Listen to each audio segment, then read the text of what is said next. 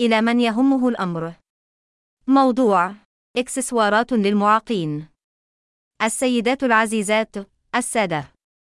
كما تعلمون، تعمل شركات التكنولوجيا المختلفة على تطوير وسائل مساعدة للمعاقين تتمتع بإمكانات كبيرة لتسهيل حياتهم. ولكن هناك مشكلة.